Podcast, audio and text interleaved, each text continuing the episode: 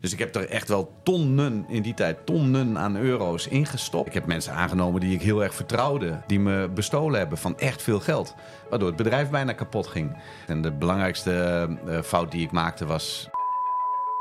Dames en heren, welkom bij een gloednieuwe aflevering van de podcast Faalverhaal. Vandaag weer een speciaal aflevering, want we zitten natuurlijk op een prachtige startdoklocatie in Rotterdam. En ik ben hier met Jacco. Welkom Jacco. Dankjewel.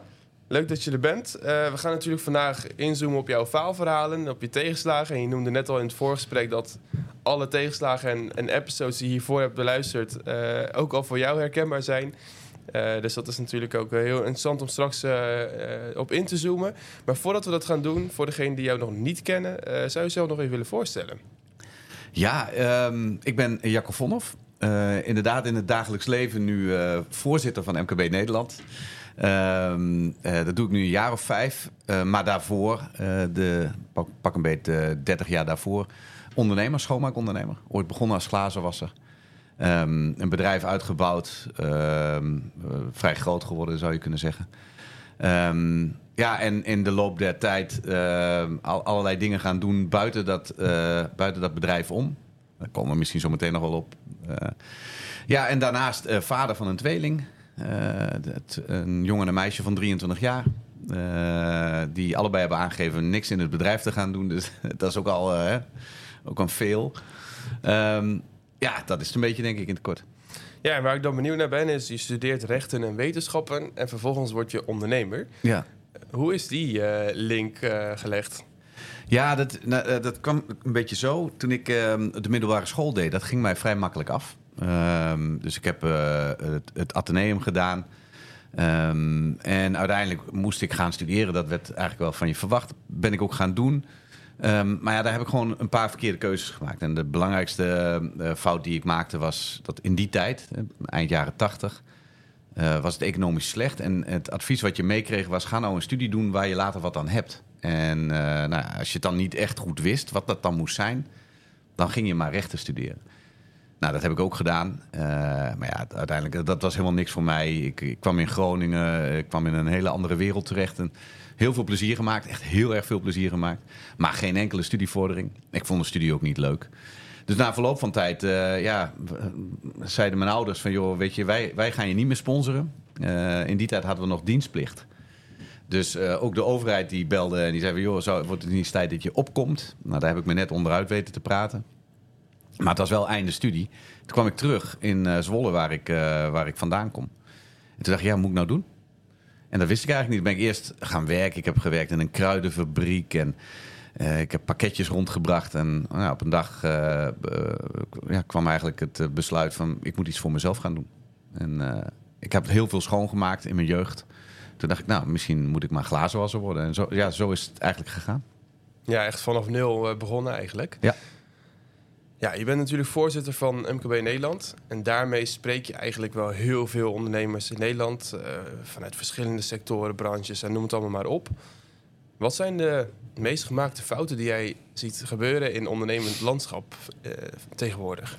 Ja, dat, ja, de, de meest, ik weet je, ik houd me dicht bij mezelf omdat ik het heel goed herken. Maar zelfoverschatting is denk ik een hele belangrijke. En dat gaat er niet om dat ondernemers uh, geen briljante ideeën hebben of uh, hele mooie bedrijven die, uh, en, en dromen waar ze aan willen bouwen. Maar over het algemeen heel veel moeite hebben om op het moment dat het belangrijk is om los te laten en zich te focussen op die dingen waar ze heel goed in zijn. En de dingen waar ze minder goed in zijn, over te geven aan anderen. En je ziet veel ondernemers daar worstelen. Dan gaat het ook vaak fout. Verkeerde keuzes maken. Um, ja, en voor een andere uh, belangrijk deel zie ik dat veel ondernemers op dit moment worstelen met ja, wat er in de economie aan de hand is. Hè. We, we komen uh, uit een hele ingewikkelde coronaperiode. Daarna uh, een, de oorlog in de Oekraïne, de geopolitieke spanning, allerlei kosten die stijgen. Je ziet veel ondernemers op dit moment worstelen met: is mijn business case, hè, zoals ik hem altijd had, is die nog wel toekomstbestendig? En wat moet ik daar dan aan doen? Nou, dat dat is wel een veelgehoorde. Dat zie ik in ieder geval als, als een uh, veelgevoelde worsteling bij ondernemers. Ja, ja en uh, als het gaat om zelf overschatten, ja. dat is wel iets wat, uh, wat heel herkenbaar is. En wat ik ook heel vaak voorbij zie komen. zelf ook ervaren dat ik dingen te groot begon. En uiteindelijk toch leerde van ja, begin nou klein. overschat jezelf niet. Ehm, dus dat is wel een hele waardevolle les. En als we, het, uh, als we inzoomen op jouw faalverhalen, uh, daar zijn we natuurlijk ook vandaag voor. Uh, wat zijn interessante faalverhalen die je vandaag met de luisteraars kunnen delen? Nou ja, weet je, dat, ik, ik roep wel eens dat als ik terugkijk naar mijn ondernemersverhaal. Um, en, je, en je trekt een lijn tussen waar je begon en waar je nu bent. Hè, en je zegt, ik, ik ben ooit in mijn eentje begonnen als glazenwasser. En nu werken bij het schoonmaakbedrijf ruim 3000 mensen. en, je, en je legt daar die 30 jaar overheen. Je maakt een lijn ja, dan lijkt het een opwaartse lijn uh, zonder, uh, hè, zonder onderbrekingen en alsof het allemaal fantastisch is. En het is natuurlijk ook fantastisch als je daar aangekomen bent en je kijkt terug en het is gelukt. Maar, maar de kans dat dat in de tussentijd was fout gegaan, is eigenlijk op elk moment in de tijd heel groot geweest. En altijd door verschillende dingen. Dus in het begin, als je begint als ondernemer. Ik was glazenwasser. Ja, ik had natuurlijk de ballenverstand van, uh, van um, boekhouden. Hè. Debit, credit. Ik weet het nu nog nauwelijks. Hè. Dus ik moet echt moeite doen om het te snappen. Dus, dus de relatie met, met geld en met banken heel ingewikkeld. En investeren, hoe doe je dat? Maar je gaf net al aan, hoe neem je je eerste werknemer aan? Um, hoe ga je om met mensen en begeleiden daarvan en opdrachten geven? Nou, zo, zo heb je in de tijd heel veel van die uh, unieke momenten en ook heel vaak fouten gemaakt. Die, als het net even anders was gelopen, ook gewoon het einde van je bedrijf waren geweest. Dus ik heb mensen aangenomen die ik heel goed kende, bevriend en familie, uh, wat fout liep. Dat zijn geen vrienden meer. Ik heb mensen aangenomen die ik heel erg vertrouwde. Waar ik eigenlijk van dacht dat ik, hè, waar ik mijn hand voor in het vuur uh, zou steken. Die me bestolen hebben van echt veel geld. Waardoor het bedrijf bijna kapot ging. ik heb ehm, ik, op een gegeven moment megalomane groeiplannen. Ik, ik had nieuwe ondernemingen bedacht en heel veel geld erin gestopt. ICT-avonturen bedacht waarvan we nou ja, ver voor de markt uit wilden lopen. Want ik had het allemaal wel door. Maar daar zat zoveel geld in. En de vraag of het bedrijf het wel kon dragen. Nou, en dus iedere keer weer dat ik, eh, als je dacht dat ik er was of dat het bedrijf goed ging, was ik altijd wel in staat om weer een beslissing te nemen. Of uh, kwam ik in een situatie waarbij nou, het altijd maar net erom hing of het goed zou komen. Nou, en daarom zeg ik ook altijd, volgens mij geldt dat voor veel ondernemers. Hè. Er, zijn, er zijn briljante mensen. Ook briljante ondernemers, daar ben ik echt van overtuigd. Uh, maar de meeste van ons hebben, kunnen maar één of twee dingen goed. En moeten de rest maar zien te managen. En dan struikel je eigenlijk voorwaarts. Hè? Dus het is eigenlijk alsof je te hard rent voor je eigen kwaliteit, maar je valt net niet. Je blijft struikelend voorwaarts gaan. Uh, en iedere keer dat je, dat je bijna dreigt te vallen, eh, ja, moet je oplossingen uh, zoeken. Um, ja, en wat ik dus met die zelfoverschatting in het begin net bedoelde, was dat je dan vooral bij jezelf te raden moet gaan: van ben ik nou wel de juiste man of vrouw in de positie waarin ik nu zit om, om te doen wat nodig is voor dat bedrijf en, en de toekomst daarvan. Um, en dat betekent uh, in heel veel gevallen dat het antwoord nee is. En dan moet je wel mee durven leven. Ja, en als we bijvoorbeeld dat voorbeeld aanhalen van uh, personeel aannemen. Um, je hebt natuurlijk uh, ondernomen, je begon met ondernemen in, in best wel uh, lange tijd geleden als het ja. ware. En um, kijk, tegenwoordig zijn er heel veel boeken, researches, je hebt podcasts over natuurlijk falen en, en het aannemen van personeel. Hè, als we ja. dat voorbeeld aanhalen. Hoe was dat destijds? Want, oh, ja, ik denk dat dit van alle tijden is. Kijk, we hebben nu met deze nieuwe media. Ik vind, ik, eerlijk gezegd, vind het wel spannend, omdat, je, omdat er is veel meer aanbod van kennis en informatie. Je kunt veel sneller ook op zoek naar dingen die je wil weten. Dus eh, zoals jouw podcast. Ik bedoel, ik kan me niet herinneren dat er, dat er, um, uh, dat er programma's waren over mislukking. Eh, in de tijd dat ik begon. Maar ik kreeg wel uh, op, mijn, op, de verjaardag, uh, op mijn verjaardag, toen ik net het bedrijf was begonnen, het boekje De 10 valkuilen voor de beginnende ondernemer. En dan, dan lees je zo'n boekje en daar staan eigenlijk allemaal heel erg voor de hand liggende dingen in. Ook een paar van die ik net noemde. En dat lees je en dan denk je, nou, dat gaat mij dus niet gebeuren. Om dan 30 jaar later tot de conclusie te komen dat je ze alle tien gehad hebt. En sommige zelfs vaker dan één keer. Het is, um, faalverhalen is niet alleen maar... Het is meer het herkennen uh, van, het, van de fase of het moment waarin je zit... dan dat je er iets aan kan doen aan de voorkant. Dus het, het is niet zo van, nou, als ik me maar voldoende inlees... of als ik maar heel veel kennis tot me neem... dan, dan voorkom ik dat het me overkomt. Dat is niet waar. Wat, wat het doet is, het helpt je om heel snel uh, te onderkennen... oh shit, nu zit ik daar. En dan te gaan handelen. Uh, dus ja, ik had ook die boekjes en we hadden allemaal van die. We kregen toen nog allemaal papieren managementblaadjes en daar stonden allemaal dit soort verhalen wel in. Uh, en ik las ze altijd met heel veel interesse. En En nogmaals, ik dacht ook dat het mij niet zou gebeuren. Maar de, ja, de eerlijke waarheid is, het is me vaker gebeurd dan me lief was. Ja. En hoe is dat om van 0 naar 3000 personeel te gaan groeien? En voornamelijk jezelf als ondernemer continu weer naar een stapje hoger te moeten tillen. Want het bedrijf wordt groter. En is er dan ooit een moment dat je denkt van... het bedrijf is nu groter geworden dan dat ik aan kan... of dat, dan dat ik ben? Ja. En wat doe je in zo'n situatie? Ja, dat klopt. Dat, kijk, ehm, tegenwoordig ehm, eh, zijn we veel met uh, mentale uh, gezondheid bezig. in de periode dat ik hard groeide, dan hebben we het over nou ja, jaren negentig, begin van deze eeuw. Was dat wat minder. Maar ik merkte aan mezelf op enig moment dat ik met steeds meer tegenzin naar mijn werk ging. Ik was ooit voor mezelf begonnen als glazenwasser omdat ik vrij wilde zijn. Ik wilde, ik wilde hoog op die ladder een beetje ramen was, een beetje, een beetje korte mouwtjes, korte broek, een beetje stoer doen. Um, ja, dat was voor mij het ideale leven. Gewoon aan niemand uh, uh, iets gelegen laten liggen. Ik hoefde aan niemand verantwoording af te leggen. Ik deed gewoon mijn dingen, ik verdiende mijn geld en dat was mijn doel. Um, ja, en dan begint zo'n bedrijf te groeien. En op een gegeven moment heb je 100 mensen, 200 mensen in dienst. En die gaan van alles aan je vragen. En die vragen ook um, dingen van je waar jij ja, waar je niet goed in bent, waar je geen plezier in hebt. En op een dag dacht ik van ja joh, ik vind het eigenlijk helemaal niet meer leuk wat ik aan het doen ben. En dat merkte ik ook, want mijn, ging mijn bedrijf ook niet zo goed. De groei was er een beetje uit. Um, dus ik had zoiets van, joh, ik, ik blijf liever in bed liggen dan ik naar het bedrijf ga. En toen stond ik op een dag op en ik stond voor de spiegel en dacht bij mezelf: ja, maar dit was toch niet de bedoeling? ik deed dit voor de lol. Um, en nou, dan heb je een aantal keuzes. Hè. De, ene, de keuze één is, nou uh, weet je, uh, verkoop de bende. Uh, dit, ik vind het niet meer leuk. Klaar is Kees. Keuze twee is, nou, ik moet er maar mee leren leven. Dit is wat ik kan. En tot zover het goede nieuws. En de derde optie is, nee, we moeten hier doorheen. We moeten door. Ik wil groter worden, maar ik wil dan wel weer die vrijheid terug. En die, die, die keuze heb ik gemaakt. Maar daar hoorde dan bij dat ik tot het besef kwam dat ik iemand moest aannemen die beter was dan ik. En ik dacht altijd dat ik de beste moest zijn. Ik was de baas, ik was de eigenaar, en, dus ik wist alles het beste. Dus uh, moest ik ook de beste in het bedrijf zijn. En wat doe je dan? neem je mensen aan die minder goed zijn dan jij. Ja, die gaan je dus ook niet helpen met beter worden. Je kunt misschien wel meer van hetzelfde, maar je wordt niet beter. En uh, toen ik dat eenmaal had bedacht en ook de, uh, de persoon in kwestie had gevonden, heb ik gezegd van nou, jij wordt vanaf nu mijn baas. En ik ga mij schikken in een andere rol. En uh, ja, dat, dat trucje hebben we heel vaak herhaald. Tot ik op een gegeven moment letterlijk buiten stond. Want er was geen plek meer voor mij in de organisatie. Ik had, ja, wat, wat deed ik eigenlijk nog precies? Dat wist niemand.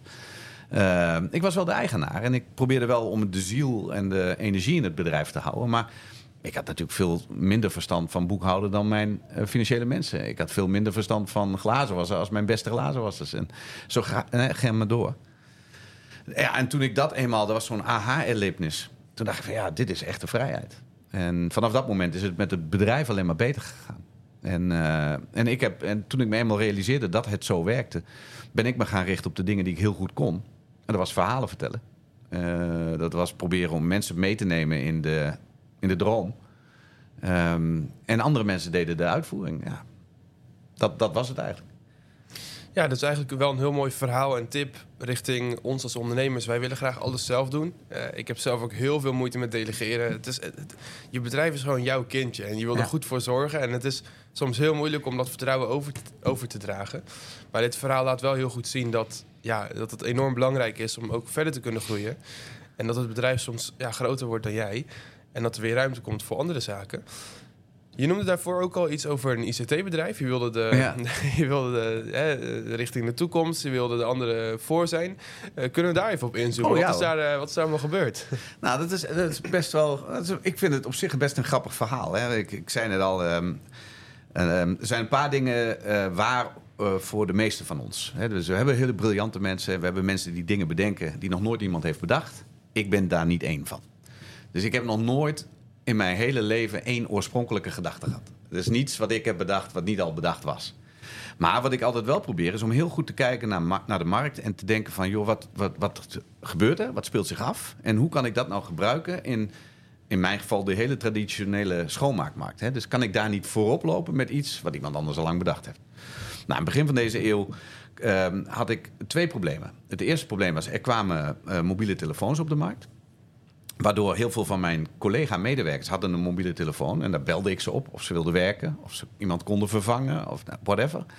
Alleen uh, veel schoonmakers hebben moeite financieel. Het is, het is over het algemeen een groep mensen die heel hard wil werken. Maar nou ja, ook maatschappelijk vaak uh, toch nog wel wat uitdagingen heeft. Dus wat gebeurde er? Heel veel van die mensen uh, sloten een telefooncontract af, betaalden dat dan niet. En vervolgens werd hun nummer afgesloten. En dan kochten ze gewoon weer een nieuwe of een prepaid. Of een, dus ze hadden altijd andere telefoonnummers. En in het begin van die mobiele periode was dat heel lastig. Dus dan kon ik ze niet meer bereiken.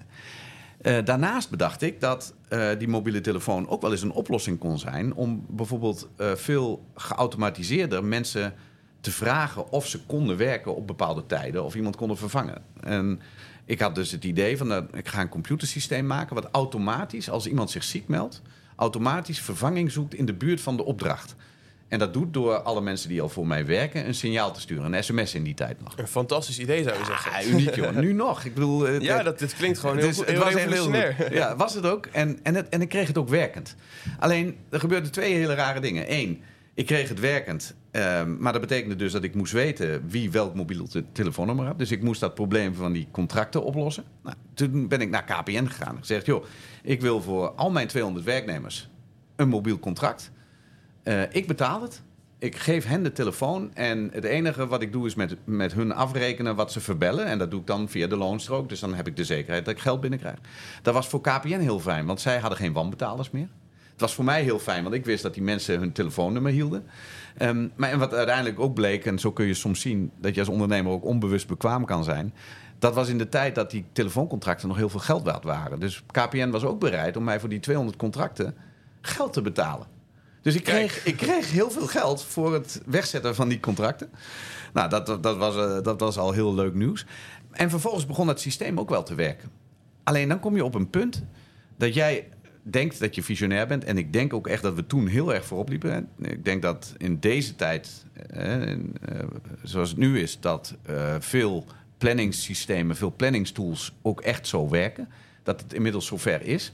Alleen wij liepen twintig jaar voor. En omdat, omdat we daar heel alleen in waren en er steeds meer geïnvesteerd moest worden, werd op een gegeven moment de behoefte om dat pakket beter, groter, groter en beter te maken, werd zo duur. En ik kon geen andere partijen vinden die dat ook wilde. dus en eerst had ik nog zoiets, het is uniek, dus het is van mij. En ik wilde het ook eigenlijk niet delen. Um, maar wat ik veel sneller had moeten doen, was met collega's schoonmaakondernemers samen bijvoorbeeld de investeringsvraag uh, uh, oppakken. Of uh, misschien andere branches interesseren. Maar, dat is me nooit gelukt. Dus ik heb er echt wel tonnen in die tijd, tonnen aan euro's ingestopt. Het was fantastisch. Maar het heeft het gewoon niet gehaald, omdat ik niet slim genoeg was om het uh, snel groter te, te, maken. En ook niet slim genoeg was om nou ja, uh, betere financiering in te, in te stoppen. Dus uiteindelijk ging het stuk. Uh, ja, het heeft fantastisch gedraaid, maar ik moest op een gegeven moment gewoon kiezen. En ben teruggegaan naar heel traditioneel, omdat dat nou eenmaal veiliger was. Uh, en ik heb dat, nou ja, ik heb het allemaal maar laten lopen. doodzonde. Kijk, weet je, als je er niet kapot aan gaat, dan word je er sterker van. En zelfs als je wel een keer in, de, in de metafoor er wel kapot aan gaat, je gaat een keer failliet. Als je dat ziet als een ervaring waar je van leert, dan, dan is het altijd oké. Um, dus ik heb dit ook weer gezien als: oké, okay, ik was misschien te vroeg. Um, het, het, heeft me niet gebracht wat ik uiteindelijk van gedacht had, maar ik heb er wel heel veel van geleerd. Hoe doe ik de volgende keer een ICT-project? Hoe ga ik de volgende keer uh, om met uitdagingen die, waarvan ik denk dat het een, een kleine uitdaging is die niet veel geld kost. Maar als je er goed over nadenkt en je wil het echt goed doen in de wetenschap, dat het heel veel kost. Nou, ik heb daar dus van geleerd om niet meer meteen vol enthousiasme in ieder ICT-project te stappen. En veel beter na te denken, mensen in te vliegen die verstand hebben van zo'n proces. In plaats van het allemaal maar zelf te doen. Dus ja, ik, ik, denk uiteindelijk, het heeft heel veel geld gekost. Maar het heeft me uh, misschien ook wel heel veel opgeleverd van fouten die ik in de toekomst niet meer ging maken. Zeg maar. En is dat ook dan bijvoorbeeld iets waar je dan heel veel jaar later weer aan terugdenkt van... Ah shit, dat geld had ik weer daarin kunnen stoppen of daarin kunnen stoppen. Nee, ik heb zoveel geld verloren. Um, nee, daar ben ik nooit druk mee geweest. Nee, kijk, ik, ik denk altijd... ik probeer altijd aan mensen duidelijk... Mensen vragen wel eens van, joh, ehm, hoe, hoe zie je nou die... Hè, hoe zie je nou succes? Ik, ik heb iets meegemaakt, dat heeft me... Dat heeft mij eh, geraakt, uh, zakelijk of persoonlijk. En daarom ben ik nu niet waar ik dacht te kunnen zijn geweest als dat niet was gebeurd. En, en denk altijd, zeg ik altijd van ja, maar jongens, weet je, zo werkt het niet. Pa, het, het leven, maar ook het zakelijk leven, is geen lijn. Het is niet een lijn van moment 1 dat je begint en moment X waar je dan bent en dan hopelijk ook opwaarts. Elk moment wat je met elkaar bespreekt is een punt. En dat is het punt waar je op dat moment bent aangeland. En ja, het had alles kunnen zijn, maar dat, dat is het niet. Het is dat punt. En het lijkt een lijn, omdat je allemaal puntjes met elkaar, uh, uh, met elkaar verbindt. Maar neem jezelf nou niet kwalijk dat iets niet is gegaan zoals je had gewild. En, want het is het punt waar je bent, dat bepaalt hoe je verder moet. En al dat andere is allemaal onzin. Dus ja, ik heb veel geld verloren. Echt, echt oprecht veel geld verloren. Ja. Ook door foute keuzes, maar ook wat ik al zei, door foute mensen. Ook door mijn eigen onbenul. Uh, maar ja, ik, het is wat het is. Ik heb wat ik heb. Ik ben er heel erg tevreden mee. Um, dat mag ook wel trouwens. Um, maar um, ja, een beetje, uh, een beetje wentelen in, in, uh, in, in, je ellende, dat, nee, dat past niet denk ik bij ondernemers. Ja, ik vind het eigenlijk een hele mooie mindset die, die je als ondernemer moet hebben om te falen. En dat is ook iets wat we heel graag mensen wij, wijzer over maken. Maar toch ben ik wel benieuwd waar dat vandaan komt. Want ja, uiteindelijk na al die jaren van, van fouten maken en leren... word je natuurlijk sterker van en krijg je een dikke huid. Uh, dus ik kan me heel goed voorstellen dat de Jacco die nu tegenover mij zit... daar zo over denkt. Maar als we teruggaan naar de beginjaren waarin je dus, dus, dus fouten maakt... Uh, net begint met ondernemen... Um, hoe was je mindset toen? En uh, hoe is dat in de jaren, in de jaren eigenlijk veranderd? Nou, ik, kijk, ik denk dat je, als je, tenminste, dat, geldt voor mij. Um, als je jong bent uh, en, je, en, de, en de wereld ligt nog aan je voeten en je kan voor, voor je gevoel alles nog bereiken. Um, ja, dan ben je, hè, dan, dan, dan, dan heb je nog onvoldoende geleerd van jezelf uh, wat je kan en wat je niet kan. Dus uh, dat is allemaal ervaring, dat ga je allemaal leren. Um, maar de grondhouding is dezelfde. Want ik, ook toen was ik gewoon uh, ja, ik, maakte altijd van dwangmatig positief. Ik zag altijd alles als een uitdaging. En uh, weet je, dat maakte me niet uit. Ik, ik ging het toch wel doen. Um, het enige wat je, wat je dus onderweg wel leert, is: oké, maar wat gaat me nou goed af? Wat vind ik nou makkelijk? Um, ik zeg ook altijd: luiheid is een hele, hele belangrijke competentie die mensen vaak verkeerd uitleggen. Mensen denken dat luiheid betekent dat je op de bank gaat liggen en niks doen. Maar luiheid is, um, um, is, is veel meer um, uh, het gemak waarmee je dingen kan. en dat je daarom ook de dingen die je goed kan veel liever doet dan de dingen die je niet goed kan. En als je bij jezelf te raden gaat van joh, wat doe ik eigenlijk met tegenzin? En waarom doe ik dat nou eigenlijk? Ja, soms omdat het nou eenmaal bij hoort, omdat het wel moet. Ik heb geleerd dat gaandeweg de tijd, als je, als je de mogelijkheden krijgt om afscheid te nemen van de dingen die je eigenlijk met tegenzin doet, en je gaat richten op de dingen die je leuk vindt en dus ook waar je waarschijnlijk ook goed in bent, dat je daar misschien wel de beste in kan worden. Of in ieder geval in de buurt van de beste kan komen. Terwijl de dingen die je niet leuk vindt en die je met tegenzin doet, daar word je hooguit matig. Nou, en dat is denk ik, dus die mindset heb ik altijd gehad. Als ik iets niet meer hoefde te doen, wat ik toch al niet leuk vond, dan zocht ik heel snel iemand anders om het op te lossen. Um, nou, en dat heeft, dat heeft mij denk ik gevormd. En zo doe ik het eigenlijk nog steeds. Dus de, de, ook in mijn werk nu, ook bij MKB Nederland, is dat nog steeds een beetje de grondhouding. Ik heb, er werken mensen om mij heen, met mij, die inhoudelijk vele malen beter zijn op elk thema als ik. Um, maar ik kan het op, in het algemeen redelijk goed vertellen. Ik kan er goede woorden bij vinden. Dus als zij zorgen dat ik de informatie op orde heb, dan kan ik het wel vertellen. Ja, en zo, dat werkt natuurlijk top samen. Nou, volgens mij is dat iets wat, wat die jonge Jacco nog niet wist. Uh, en door vallen en opstaan achter is gekomen. Maar de grondhouding van diezelfde jonge Jacco, die toen ook al zo lui was als maar kon. Dat was een beetje mijn. Uh, dat was toen mijn valkuil. Daar heb ik die studie niet afgemaakt. Ik, was, moest allemaal dingen doen die ik niet leuk vond. Ja, nou, dat deed ik niet. Ja, dus lukt het niet. Um, ik denk de mindset wel dezelfde was altijd. Ja, het is heel erg als ik naar de oude feest van mezelf luister. Dus uh, dat vind ik wel ja, grappig ja. om mezelf daarin te herkennen. Ehm, en als we kijken naar, eh, naar risico's nemen eh, als ondernemer, ehm, vaak zijn we toch daar terughoudend in, omdat het natuurlijk ook voor ja, falen kan zorgen. Dat, Ja. Het kan leiden tot falen. Ehm, dus ja, we zijn toch wel een beetje terughoudend als het gaat om risico's nemen. In hoeverre speelde risico een rol in jouw carrière als ondernemer en wat zou je daarover willen delen? Nou ja, dat, kijk, in het begin was dat letterlijk. Hè? Dus ehm, ik deed ehm, ook beroepsmatig dingen die tegenwoordig niet eens meer mogen. En, dus als metafoor, ik hing aan gebouwen aan een touwtje. Ehm, de valbeveiliging in die tijd, ja, ja, het was allemaal mager. Ik stond op ladders die je nu niet meer mag gebruiken omdat ze te hoog zijn.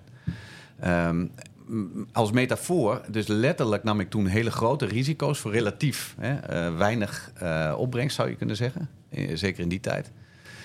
Ehm, maar ik heb wel geleerd dat ehm, de, de R van risico in de vergelijking hè, ook de, de corresponderen- eh, corresponderende R van rendement moet hebben.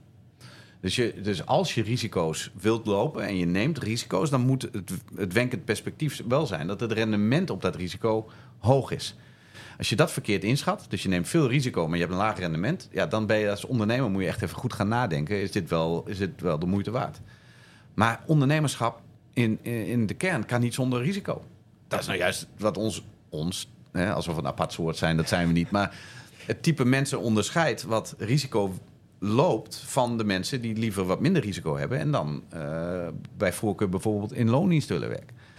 Dus de, de R van risico is een voorwaarde om een goede ondernemer te zijn. Maar je moet wel ehm, eh, heel goed meewegen wat dan de omgevingsfactoren zijn. Hè? Dus dat je risico niet te groot wordt en dat de premie op dat risico wel rendement is. Ehm, want ja, eh, als, je, als je voor veel te weinig, veel te hard werkt en veel, veel te grote risico's loopt, ja, dan eh, ben je niet, niet verstandig bezig. Nou, dat, als ik terugkijk, heb ik in die tijd onverantwoord grote risico's genomen voor een onverantwoord laag rendement. Het is goed gegaan, maar in de weeromstuit zou ik dat anders hebben gedaan. Dus als nu ondernemers mij wel eens vragen van... joh, wat vind je dat ik moet vragen? Dan zeg ik altijd, wat vind je dat je waard bent? Maar vooral, wat heb je nodig om zeg maar, al dat risico wat je neemt... om dat eh, de moeite waard te laten zijn? En dat is niet, het hoeft niet altijd in geld. Hè? Dus ik, vind, ehm, eh, ik vind het heel interessant om te zien dat ook veel ondernemers op dit moment de euro's minder interessant vinden dan de impact. Dat, ik moet daar echt aan wennen. Dus voor mij is dat nieuw. Eh, maar ook daar geldt wel, ook, ook als je niet eh, winst wil maken in euro's, maar in impact, ook dan geldt, als je risico te groot is en je impact is te klein, ja, dan moet je wel overwegen of je dan wel eh, de, goede, de goede keuzes maakt. Daar, geef je nog natuurlijk wel het eh, interessante aan als het gaat om eh, het verschil tussen impact maken en, en geld verdienen. Natuurlijk, in de meeste gevallen kan het ook hand in hand gaan.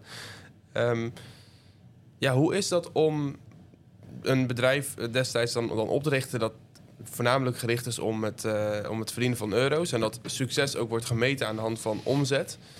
Wat voor druk levert dat? Wat voor druk brengt dat eigenlijk met zich mee? Ja, voor mij, ik heb, ik ben, ik heb me altijd een beetje ehm, eh, in het begin eh, Calimero gevoeld. Dus eh, toen ik voor mezelf begon in mijn eentje en, en op een gegeven moment een, met een paar mensen, eh, was er in mijn markt waren altijd grote bedrijven die echt enorm waren, huge, eh, waar ik enorm tegen opkeek. eh, maar wel, wel bij wilde horen. Het ik had wel het doel van, joh, ik, wil, eh, ik moet wel die kant op. Ik moet groeien. Ehm, sterker nog, in de schoonmaak zou je kunnen zeggen, is groeien een defensieve strategie. Als je niet groeit, dan red je het gewoon niet. Want de markt groeit eh, in zijn totaal niet. Maar de grote bedrijven worden wel steeds groter. Dus consolidatie is aan de hand. Ehm, en dan kan je als kleintje, heb je op een gegeven moment gewoon eh, ja, eh, heb je geen potentie meer in de markt. Dus je moet wel groeien.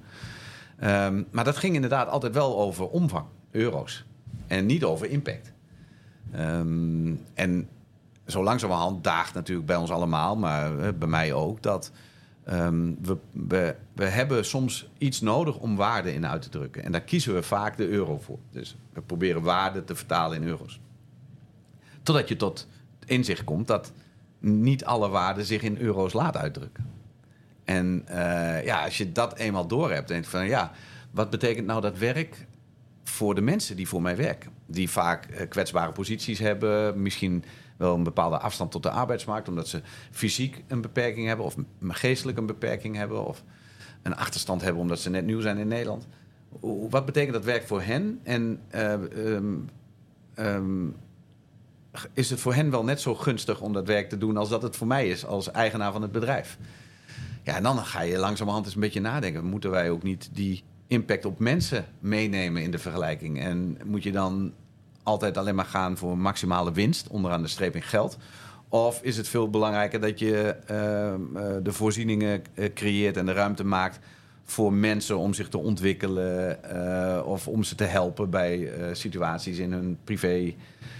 Ja, dat, ja, daar heb je even tijd voor nodig. En het leuke is dat ik dus nu ondernemers zie beginnen vanuit dat idee. Dus bij mij is het erbij gekomen omdat ik nou, natuurlijk in de gaten kreeg dat het met mij goed ging. maar dat het met mij goed gaat eh, door die mensen. Omdat zij voor mij elke dag aan het werk gaan. Eh, maar je ziet nu ondernemers opstaan die zeggen: nee, ik, ik, heb, ik wil impact maken, ik wil de wereld veranderen, ik heb daar een idee bij. En daar bedenk ik dan wel een business case. Oh, oh ja, en we hebben ook geld nodig, want ik moet nog wel een paar dingen betalen. Nou, dat, voor mij is dat, hè, ik- dan voel ik me wel, jij zei net, ik, ik hoor eh, in jou een wat oudere ik. Nou, ik zie nu af en toe jongere eh, versies van mezelf, maar met een andere insteek. Waarvan ik denk, oh ja, verrek, dat is wel heel gaaf. Ehm, eh, maar ook, oh, hoe, ga je dat, hoe ga je dat werkend houden? Hè? Dus hoe ga je dat verder brengen? Maar nou, het is voor mij wel, eh, wel een leuke, nieuwe, uitdagende tijd. Ook om te kijken naar ondernemers die anders in de wedstrijd zitten. Ja, cool. Ik denk dat we zo een eh, hele interessante aflevering hebben. En daarmee wil ik hem eigenlijk afronden. Heb jij nog tot slot iets toe te voegen over falen en het belang daarvan voor ondernemers? Nou, ik, ik, ik, ben er echt van overtuigd. En het is een beetje een dooddoener, omdat ik denk dat meerdere hem zullen gebruiken. Maar ik ben er oprecht van overtuigd dat ik vele malen meer heb geleerd van alles wat ik niet goed heb gedaan, dan van de dingen die ik wel goed heb gedaan. Hè, dus, ehm, en, en als er al een, voor mijzelf, hè, mijn rode draad, voor mij wijze les uit is gekomen, is het leer van je fouten. En leer dan vooral dat je het niet beter wil doen. Dat je die fouten niet wilt verbeteren. Zorg ervoor dat iemand anders die het beter kan, dat gaat doen voor jou. En ga jezelf nou richten op die paar dingen. Als je geluk hebt, zijn er één of twee dingen die je goed kan. Ehm, zorg nou dat je daar de beste versie van jezelf wordt. Eh, dan, dan, dan kom je verder. Eh, nou, en ik hoop dat, dat, dat jouw podcast en het hele ik heb laatst een keer ergens op ehm, eh, eh, Fuck Up Stage heette dat geloof ik. In ieder geval mocht je ook vertellen over de blunders en de fouten en de. Ik denk dat we dit eh, als samenleving goed kunnen gebruiken. Dat we niet doen alsof er alleen maar hele succesvolle ondernemers zijn en dat dat een soort van walk in the park is. Nee, je leert alleen maar van de dingen die niet goed gaan. Absoluut. Dat is een hele mooie. Heel erg bedankt voor je tijd. Luisteraars, ook jullie bedankt voor het luisteren naar de podcast natuurlijk. En graag tot de volgende keer.